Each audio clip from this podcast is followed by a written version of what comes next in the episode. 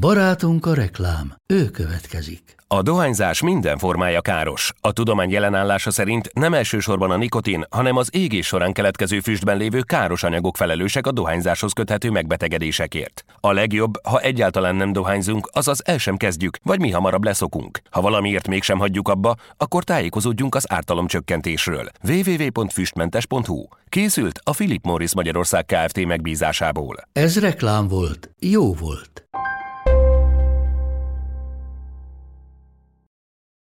1988 végén a Kart család fenyegető levelet talált a postaládájában. Egy hónapon belül mindannyian rettenetesen lebetegedtek. Miután két egymástól független orvos is megállapította, hogy a rosszul létek mögött mérgezés áll, nyomozás indult annak érdekében, hogy kiderüljön, ki áll a büntény mögött. A mai esetet akár Agatha Christie is írhatta volna, Olyannyira, hogy részben az ő egyik könyve szolgált inspirációjul az elkövetőnek. Annyi különbséggel a bűnügyi regényhez képest, hogy ez valóban megtörtént. Ez Peggy Card története, vagy ahogy másként is ismeretes, a Mensa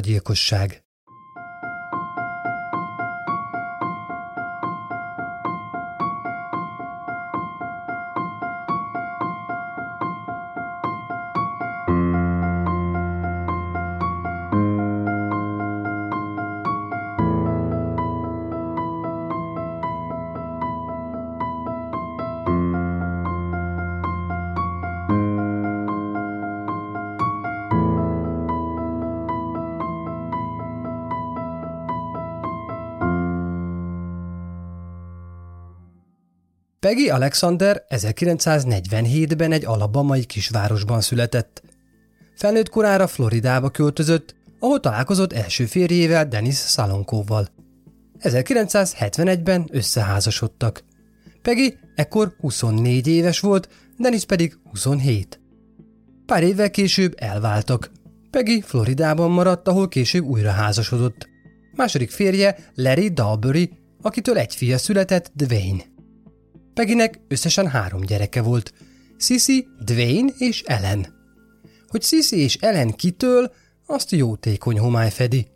Minden esetre, miután Leritől elvált, találkozott Pike A férfi négy évvel volt idősebb, szintén alabamai származású háborús veterán. 1988-ban művezetőként dolgozott a floridai narancs termővidék egyik kisvárosában, Alturazban. Találkozásukkor Peggy 40 éves volt, Pály pedig 44. Pálynak magának is volt két gyermeke az előző házasságából, akik vele éltek. Peggy három tinédzser per fiatal felnőtt gyermekével beköltözött hozzájuk, így hétre növelve az együttlakók számát. A nő nagyon oda volt új partneréért, mondhatjuk fülig szerelmes volt belé. Még 1988-ban össze is házasodtak. Házasságuk első évében viszont furcsa dolgok kezdtek el történni velük. Ugyanazon év júliusában egy ijesztő levelet kaptak. A gépelt oldalon a következő szerepelt. Neked és az úgynevezett családodnak két hete van, hogy eltűnjön Floridából örökre. Máskülönben meg fogtok halni. Ez nem csak vicc. A levelet a férfinak Pie Karnak címezték, de a keresztnevét rosszul betűzték, PYE helyett PIE-t írtak a borítékra. Ezen felül az is érdekes volt, hogy posztit lapkára gépelték. Pály nem vette túl komolyan, annak ellenére, hogy azt írták benne, hogy nem vicc. A levelet megmutatta nevelt fiának, Dwayne-nek és lelkészüknek Robert Grantnek, aki úgy emlékezett vissza az esetre, hogy Pály azon felül, hogy nem érdekelte túlságosan a dolog, nem értette, hogy miért akarja valaki az egész családját bántani. Annyira életszerűtlennek tűnt, hogy végül meg is feledkeztek az egészről. Pár hónappal a házasságukat követően Peggy kételkedni kezdett pályhűségében. Annak ellenére, hogy nem régiben kötötték csak össze életüket, Pály munkára hivatkozva sokat maradt távol újdonsült feleségétől. Peggy pedig egyáltalán nem volt biztos abban, hogy tényleg a munkahelyén tölti ezt az időt. Egyik este, amikor Pály ismét távol maradt, Gyanúját követve elment férje munkahelyére, hogy ellenőrizze, tényleg ott van-e. A parkolóban akkor már csak két autó állt. Pályé és volt barátnőjé. És persze ez nem csak a véletlen műve volt. Pály csalta Pegit exével. Pegi teljesen összetört. Felkapta a gyerekeit, és egy közeli motelbe költözött, hogy kitalálja, mit tegyen ezek után. A következő levelet hagyta hátra férjének. Kedves Pály, nagyon szeretlek, viszont jelen pillanatban nem tudom eldönteni, hogy te hogy érzel. Ahogy már mondtam neked, bármit fel tudok dolgozni, ha velem vagy. De most már nem vagyok benne biztos. Kis időre van szükségem, hogy átgondoljam, mi legyen velünk. Nem tudok tovább így élni. Nem tudom elképzelni nélküled az életemet, de azt sem bírom elviselni, hogy nem kellek neked. Tiszta szívemből szeretlek, Peggy. Nem sokkal ezek után Peggy és Pály megbeszélték a dolgot, és úgy döntöttek, továbbra is együtt maradnak, mert lényegében szeretik egymást. A nő és gyerekei visszaköltöztek. 1988. október 21-én, amikor visszapakoltak közös otthonukba, Pály épp vadászni volt. Ezen a napon érezte Peggy először igazán betegnek magát. Életében nem érzett még olyan égető érzést az egész testében, mint akkor. Alig tudott mozogni. A szemét szinte ki sem nyitotta, és csak feküdt az ágyában, miközben szinte minden izülete fájt. Amikor Pály visszatért a vadászatról, Peggy állapotát elintézte annyival, hogy biztos csak valami durva vírus, ami el fog múlni. De nem múlt. Akkoriban Peggy és lánya, Sissy, pincérnőként dolgozott. Másnap, amikor hazatértek a munkából, Peggy újból elkezdte magát rosszul érezni. Effektíve azt hitte, szívrohamot kapott, mert a kezeit nem érezte, és a lábai annyira fájtak, hogy nem tudott felállni. Lánya azonnal bevitte a legközelebbi kórházba, ahol Peggy az őt vizsgáló orvosoknak elmondta, hogy úgy érzi, fel fog gyulladni. A doktorokat teljesen összezavarta Peggy állapota. Egyszerűen nem tudtak rájönni arra, hogy mi baja lehet. Arra jutottak, hogy valószínűleg pszichoszomatikus betegségről van szó, amit valamiféle stressz okozott Peginél. Viszont a nő valós fájdalmakkal küzdött, ezért pár napig maradt a kórházban. Három nappal később javulni kezdett, ezért hazaküldték. Ahogy hazatért, rá kellett jönnie, hogy nem csak ő szenved hirtelen jött fájdalomtól a családban. Fiát, dwayne és Pály fiát travis is hasonló bizsergető és égető érzés kínoszta. Pár napra rá pedig Peggy is újra érezni kezdte. Csak hogy az újbóli roham sokkal rosszabb volt, mint az első. Olyannyira, hogy mentő szállította be egy másik kórházba, ahol újabb orvosok vizsgálták meg, többek között neurológus és egy fertőző betegségekre specializált orvos is. Észrevették, hogy Peggy elkezdte elveszíteni a haját. De nem csak úgy éppen csak, amikor arra kérték, hogy üljön fel, a párnáján marok számra maradt ott a hajából. Az orvosoknak végül egybehangzóan az volt a véleménye, hogy Peggy valamiféle mérgezésben szenved. Az egyikük szerint a méreg nem más, mint táliumszulfát. A táliumszulfát szintelen, szaktalan, erős méreg, az alumínium csoport utolsó tagja. Patkányméregként is használják. Bár a régmúltban ismeretes volt a gyógyászatban is, mellékhatásai miatt, ami akár a halált is jelenthette, 1972-ben betiltották. A félelmük ellenőrzésére vizeletminták vettek Pegitől, és egy georgiai laborba küldték vizsgálatra. Az igazolta felvetésüket. Peggy vizelet mintájában a normál táliumszint 20 szeresét találták. A tálium ugyanis természetesen is jelen van a szervezetben, már nagyon kis mennyiségben. Peggy állapota kritikusra fordult. Ez a mennyiség 50-szer volt nagyobb, mint amit az emberi szervezet normál esetben el tud viselni. Sajnálatos módon viszont nincs olyan módszer vagy antiszérum, amivel ekkora mennyiségű táliumot semlegesíteni lehetne ezért a Peggit kezelő orvosok érdemben nem is tudtak neki segíteni.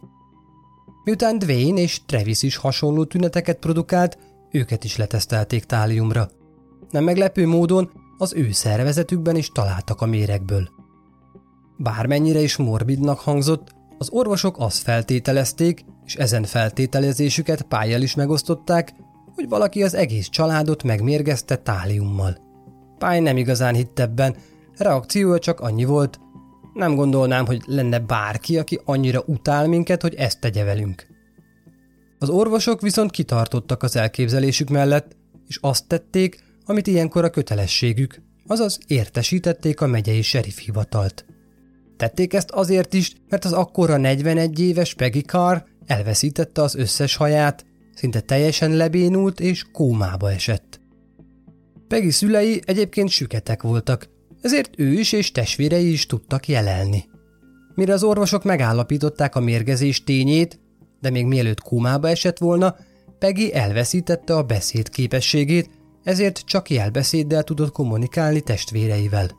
Lényegében ekkor már csak annyit tudott mondani, vagyis jelelni, hogy miért, és hogy mindenem fáj.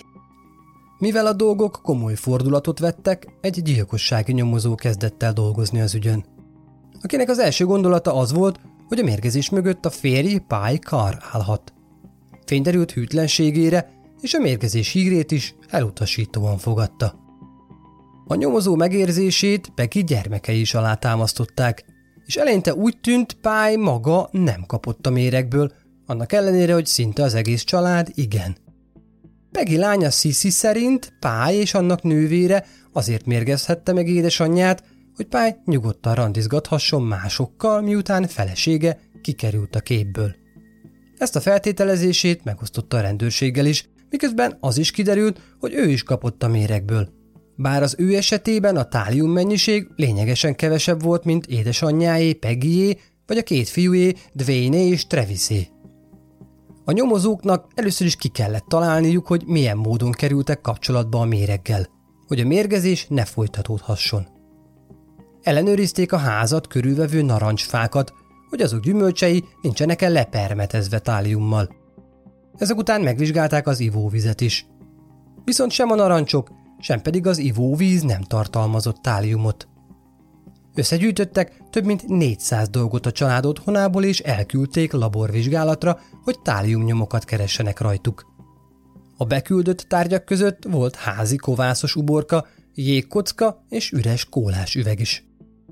A vizsgálatok eredményéből kiderült, hogy a beküldött négy kólás üveg mindegyikében találtak táliummaradványokat. Az üres üvegeket egyébként egy nyolcas kólapakból vették ki, amiben még volt három bontatlan is. Ezeket azonnal elküldték egy FBI laborba tesztelésre. A teszt megállapította, hogy az üvegek kupakjait egytől egyig manipulálták, és a bennük lévő kóla tartalmaz táliumot. Ezek üvegpalackok voltak, a fémkupakokon pedig karcolásokat találtak, ami azt bizonyította, hogy azokat már egyszer eltávolították, majd visszahelyezték az üvegekre. Biztossá vált, hogy a kóla volt a mérgezés kiinduló pontja. A kérdés viszont maradt, hogy ki és miért tette a táliumot az üdítőkbe. Az üvegek mindegyike egy gramnyi táliumot tartalmazott, ami elegendő ahhoz, hogy végezzen egy felnőttel. Az ügy ezzel egyre komolyabbá vált, ezért felkértek egy FBI profilozót, hogy készítse el a mérgező lehetséges leírását. A profilozó az elkövetőt fehér férfinak írta le, aki a 30-as éveiben jár, feltehetően nagyon intelligens, és általában inkább passzívan viselkedik konfliktus helyzetben. Azt is hozzátette, hogy nagy valószínűséggel az esetet megelőzően már fenyegetőzött. Ez pedig kapcsolódott a négy hónappal előtti levélre, amiben valaki a család elköltözését követelte, és kilátásba helyezte azok meggyilkolását.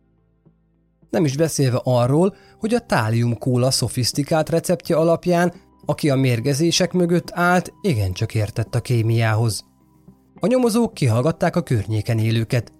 Tekintve, hogy nem sűrűn lakott területről beszélünk, nem voltak sokan. Köztük volt a család egyetlen, tényleges szomszédja, George Trepal is. Tőle is megkérdezték, hogy vajon mi oka lehet valakinek lemérgezni a szomszéd családot. George válasza erre annyi volt, talán azért, mert valaki azt szeretné, hogy elköltözzenek a környékről. Igen, csak meglepő válasz, tekintve, hogy senki más nem reagált így az esetre a környékbeliek közül. Ismerve a posztit levél tartalmát, George gyanússá vált a nyomozók szemében. Emellett más is kiderült a Trepál családdal kapcsolatban. 1992 és 98 között a két család többször összetűzésbe került. A veszekedések olyan apró dolgok miatt alakultak ki, mint hogy trepálék szerint valaki túl hangosan hallgatta a zenét a szomszédban. Utolsó veszekedésükre október 28-án került sor, három nappal mielőtt Peggy rosszul kezdte érezni magát. George Trepál egyka gyerekként született 1949-ben. Peggy mérgezésének idején 34 éves volt. 1972-ben kezdte meg egyetemi tanulmányait Dél-Karolinában, ahol pszichológus végzettséget szerzett. Nem sokkal később letartóztatták metamfetamin labor üzemeltetéséért, ahol ő maga állított elő majd 7 millió dollár értékű metet. Három évet kapott, amit szintén Dél-Karolinában ült le. George kiemelkedően okos ember volt. Ő és felesége Diana, aki egyébként az első női ortopéd sebész volt Amerikában, nem mellesleg kémikus végzettséggel is rendelkezett és pilóta is volt, egy kiemelkedően okos embereket tömörítő társaság a Mensa tagjai voltak. A büntény idejében George-nak nem volt fix munkája, amolyan szabadúszóként cikkeket írt számítástechnikai magazinoknak. Többé-kevésbé a felesége keresetéből éltek. A 80-as évek elején költöztek a floridai Alturazba, ahol nagyjából a kezdetektől rossz viszonyt tápoltak a szomszédos Carr családdal. Sokkal korábban, mint hogy Peggy beköltözött volna. Csak hogy tisztán lássunk, ez nem az az eset volt, hogy Carrék borzasztó szomszédok lettek volna. Trepálék gyakorlatilag mindenért szóltak, ha kellett, ha nem. Például egy alkalommal, amikor Sisi ex-férje Ronald az autóján dolgozott és közben zenét hallgatott, George szó szerint letámadta, hogy azonnal halkítsa azt le, mert ő könyvet olvas. Ronald megtette. Pár perccel később George újból rátört a férfira. Remegve és üvöltve követelt, hogy halkítsa le teljesen a rádiót, de leginkább kapcsolja ki. Ronald elmondása szerint a zene már először sem szólt túl hangosan. Egy másik alkalommal, amikor Pály és Travis autót mosott és közben zenét hallgattak, George rájuk támad, hogy azonnal kapcsolják ki a zenét és halkuljanak el. Ki is kapcsolták. Később viszont Travis visszatért, hogy befejezze a kocsi takarítását, és visszakapcsolta a rádiót. George újból előbújt, hogy lamentáljon. Pály erre már csak annyit mondott, hogy rádiót hallgat a fia, miközben autót most nincs ebben semmi kikérni való sem. George erre közelebb sétált, és nemes egyszerűséggel letépte a locsolócsövet a csapról, hogy ne tudja a fiú tovább mosni az autóját. Gondolta, akkor a zenét is ki fogja kapcsolni. Előre menve ahhoz a veszekedéshez, ami Peggy rosszul létét megelőzte, az is arról szólt, hogy valamelyik kártyerek hangosan hallgatja a zenét. Diane Trepal annyira berágott, hogy átrohant Kárékhoz, és Pegit vette elő. Peggy, aki addig szinte nem is beszélt a nővel, a gyerekek mellé állt, és hazaküldte a tajtékzó szomszédasszonyt. Diana végül feladta, de elfelé menet még visszakiabált, hogy ezt nem fogod megúszni. Hozzá kell tenni, hogy vidéki környezetről beszélünk, a házak megfelelően távol estek egymástól, mindkét családnak szép nagy kertje volt ahhoz, hogy a zenehallgatás ne legyen probléma. Nem azt mondom, hogy nem lehetett áthallani, de biztos nem annyira, hogy az gond legyen. Mielőtt jobban belemerülünk a nyomozásba, térjünk ki Trepálék egyik hobbiára. A házas pár szervezte ugyanis a floridai Mensa közösség gyilkos rejtélyek estéje parti sorozatát, ahová csak meghívóval lehetett bejutni.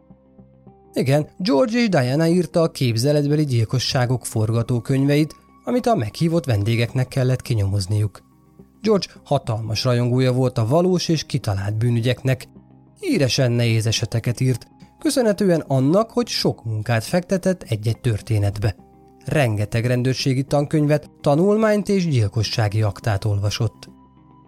Pykar, annak ellenére, hogy trepálék is a képbe kerültek, ugyanúgy a nyomozás középpontjában maradt. Kiváltképpen, hogy Peggy volt férje, Larry Dublery felhívta a hatóságok figyelmét arra, hogy Pály nagy összegű életbiztosítás kötött feleségére. Ellen, Peggy fia azt állította, hogy anyja egyenesen félt Pálytól, miután megtudta, hogy az életbiztosítás kötött rá. Olyannyira, hogy egy titkos kódot is kitalált arra az esetre, ha valami baj lenne, amit csak ők ketten értettek. Ez azért is volt fura a fiú számára, mert anyja Peggy nem volt olyan, aki a problémáit a gyerekei orrára kötötte volna. Ezen felül, amíg Peggy a kórházban küzdött az életéért, többen azt állították, hogy Pály újból látogatni kezdte volt barátnőjét. Persze lehet ez nem teljesen igaz, minden esetre Pály már bizonyította, hogy nem egy őszinte ember. Peggy barátnői azt is elmondták a rendőrségnek, hogy Peggy sokat panaszkodott nekik a házasságáról pályjal. Egy dolog viszont azért nem stimmel. Tényleg lemérgezni Pály az egész családját, csak azért, hogy megszabaduljon a feleségétől. Képes lenne ilyet tenni a saját gyerekeivel? Mindezek mellett, mint végül kiderült, Pály maga is kapott a méregből. Ha tényleg ő áll az egész mögött, miért mérgezte le saját magát is? Bányai művezetőként nem is az a szofisztikált alak volt, mint akit a profilozó leírt. Végül Pályt ki is vették a lehetséges elkövetők listájából.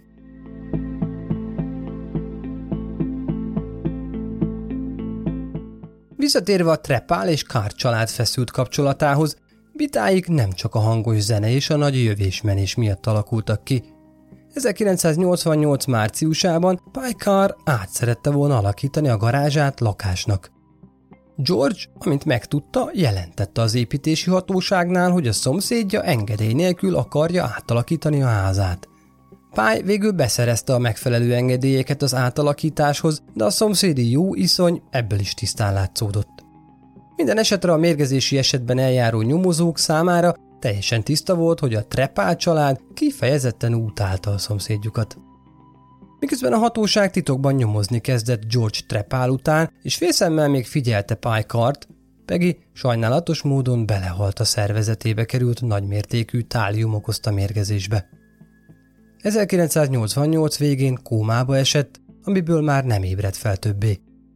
A méreg olyan mértékű rombolást okozott a szervezetében, hogy 1989 márciusában már nem bírta tovább és feladta. A nyomozók így már nem mérgezési, hanem gyilkossági ügyben nyomozhattak tovább. Egy fokozattal ezért feljebb is kapcsoltak. Susan Gorek, speciális ügynök, Sherry Green néven levelet írt George Trepálnak azzal, hogy szeretne részt venni az egyik gyilkos rejtélyek játékukban, amit egyébként már a helyi újságban is hirdettek. A háttérsztoria alapján Sherry nemrég költözött a környékre megromlott házasságából menekülve, és intellektuális kihívás keresett magának. Természetesen levelében azt a tényt, hogy mellesleg nyomozó, nem említette. Működött. George válaszul elküldte Sherrynek, azaz Susannak a szükséges jelentkezési lapot a következő, éppen arra a hétvégére eső eseményükre. 1989. április 14-én, pénteken Susan először találkozhatott George-al személyesen. Alacsony, ideges férfinak írta le, aki kerüli a szemkontaktust.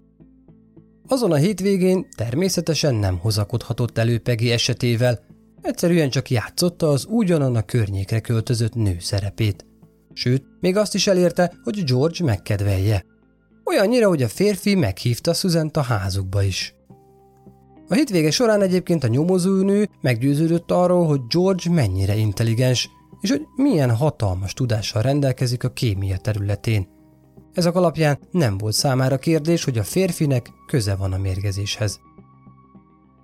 Amikor végül Susan eleget tett a Trepál házaspár meghívásának, az első, amit megpillantott a nappaliuk asztalán, az egy Agatha Christie regény volt, amelynek a címe a Bűbájos gyilkosok, angolul Pale Horse. Susan persze elsőre nem tudta, de később utána olvasott, és kiderült, hogy ebben a detektív regényben szerepel mérgezés, mégpedig táliummal. Véletlen lenne? Nem hinném. A könyvben egyébként olyan pontosan szerepelnek a tálium mérgezés jelei, hogy volt, aki az olvasottak alapján jött rá, hogy megmérgezték, vagy legalábbis, hogy magas a tálium szint a szervezetében. Szuzannak a vendéglátói megmutatták a ház titkos szobáját is, amelynek a falai feketére voltak festve, és fel volt szerelve mindennel, ami csak egy jó kötözős szexhez kellhet. Hogy miért mutatták meg ezt neki, az rejtély. Minden esetre bizarr. Susan ezeken felbuzdulva igyekezett minél több időt tölteni george abban bízva, hogy kideríthet valamit Peggy haláláról. Minden esetre újdonsült barátja tökéletes gyanúsítottnak tűnt. Egy alkalommal, amikor együtt piknikeztek, George azt javasolta Susannek, hogy zsarolja meg férjét annak érdekében, hogy biztosan megkapja a vállás során, amire szüksége van. És azt is hozzátette, hogy ha nem akarja, akkor még mindig megmérgezheti. Ahogy Susan visszaemlékezett, azt is elmondta neki a férfi, hogy egy nemzetközi virágkereskedelmi láncon keresztül könnyen be lehet szerezni mérgező virágokat és növényeket. Attól függetlenül, hogy mindezek nagyon gyanúsan hangzottak, a nyomozóknak semmi konkrét bizonyítéka nem volt. Egyelőre.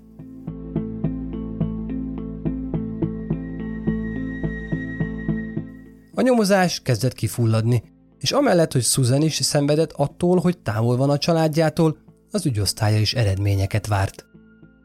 Peggy halálát követően egy évvel fordulat következett be. George megegyezte Susannak, hogy bérlőt keres, mert szeretné kiadni az Alturaszi otthonát. A felesége munkája miatt ugyanis Sebringbe kell, hogy költözzenek, ami 50 kilométerre volt Alturasztól. Susannak azonnal eszébe ötlött egy jó terv.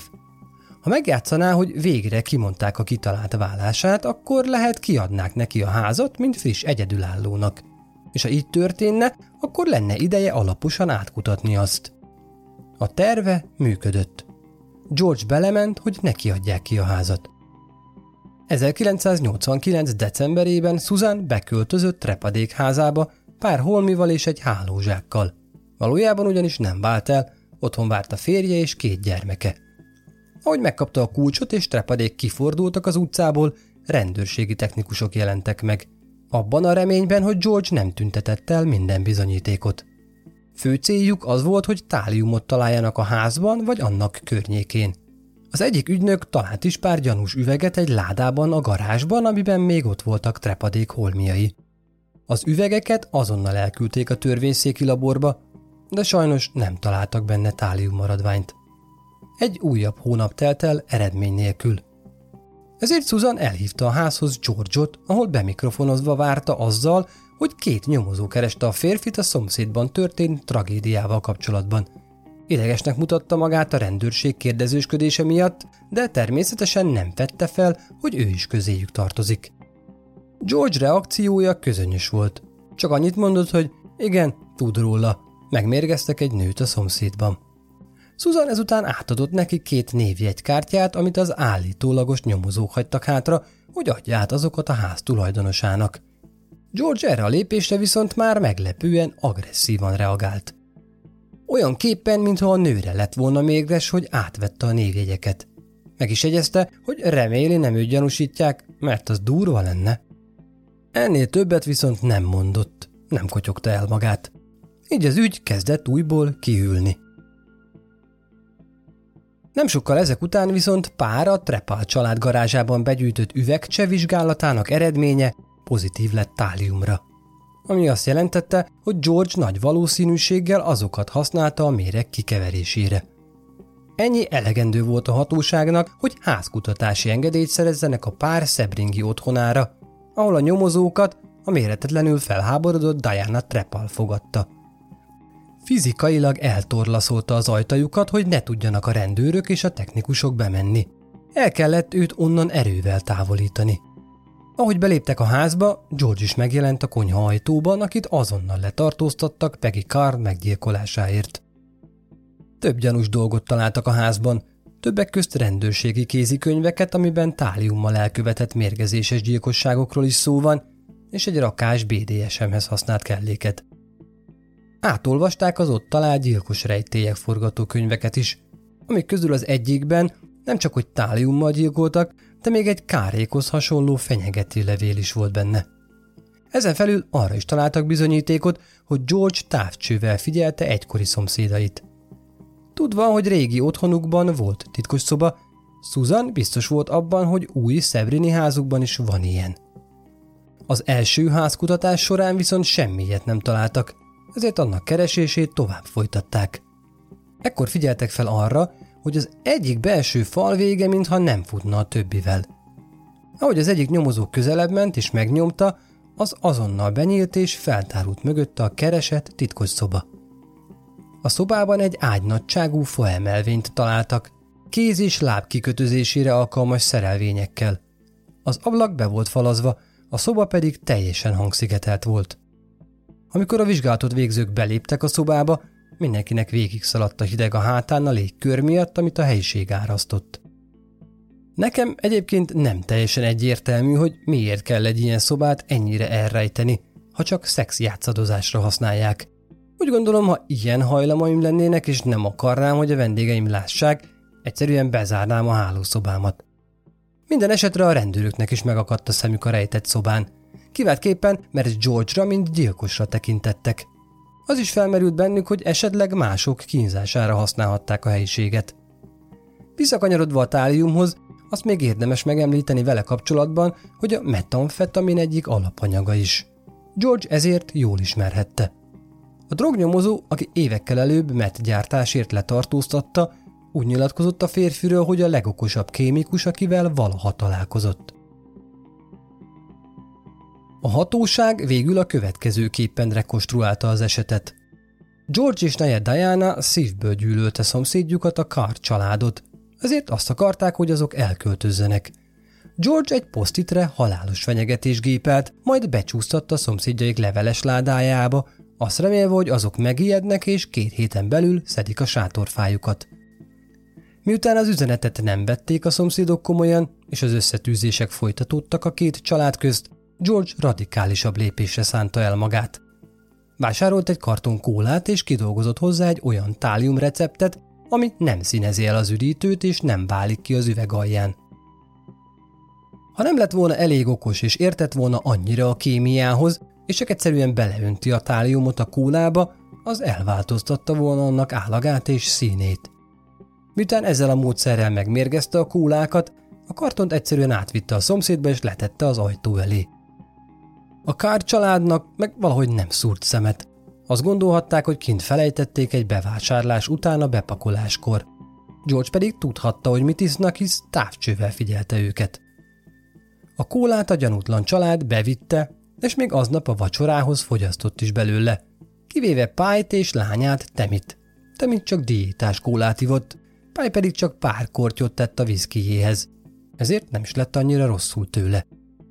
Pegitálium szintjét alapul véve, nagy valószínűséggel ő ihatta a legtöbbet. A 18 éves Travis és a 16 éves Dwayne is többet fogyaszthatott a mérgezett italból, mivel azok tünetei megegyeztek Peggyével. Annak ellenére, hogy mindketten felépültek, náluk is jelentkezett a hajhullás és a részleges bénulás is. Mindezeket összegezve George trepált Peggy Carr megölésével, hat gyilkossági kísérlettel és hét rendbeli szándékos ételmérgezéssel vádolták meg.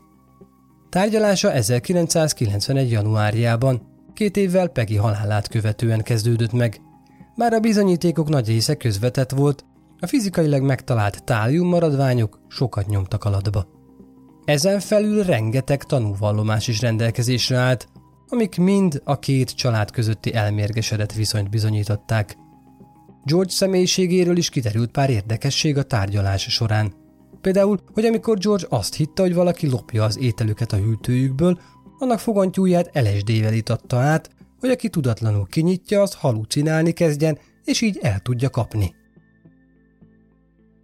Egy másik alkalommal pedig LSD-vel szennyezett süteménnyel kínálta az általa felvett stopposokat, akiknek fogalmuk sem volt arról, hogy mivel van felütve a rákcsálni valójuk.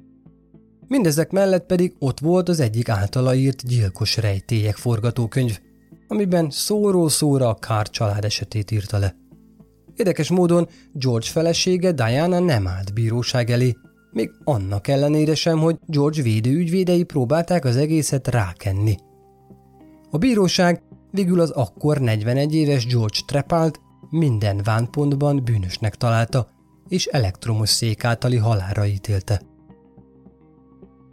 Az ítélet végrehajtását George jelenleg is egy floridai börtön halál során várja. Feleségét, Diana-t semmivel sem vádolták meg, így az később újra házasodott. 2008-ban szívrohamban, 69 évesen meghalt. George Trepal viszont még életben van a rácsok mögött. Mára már 73 éves.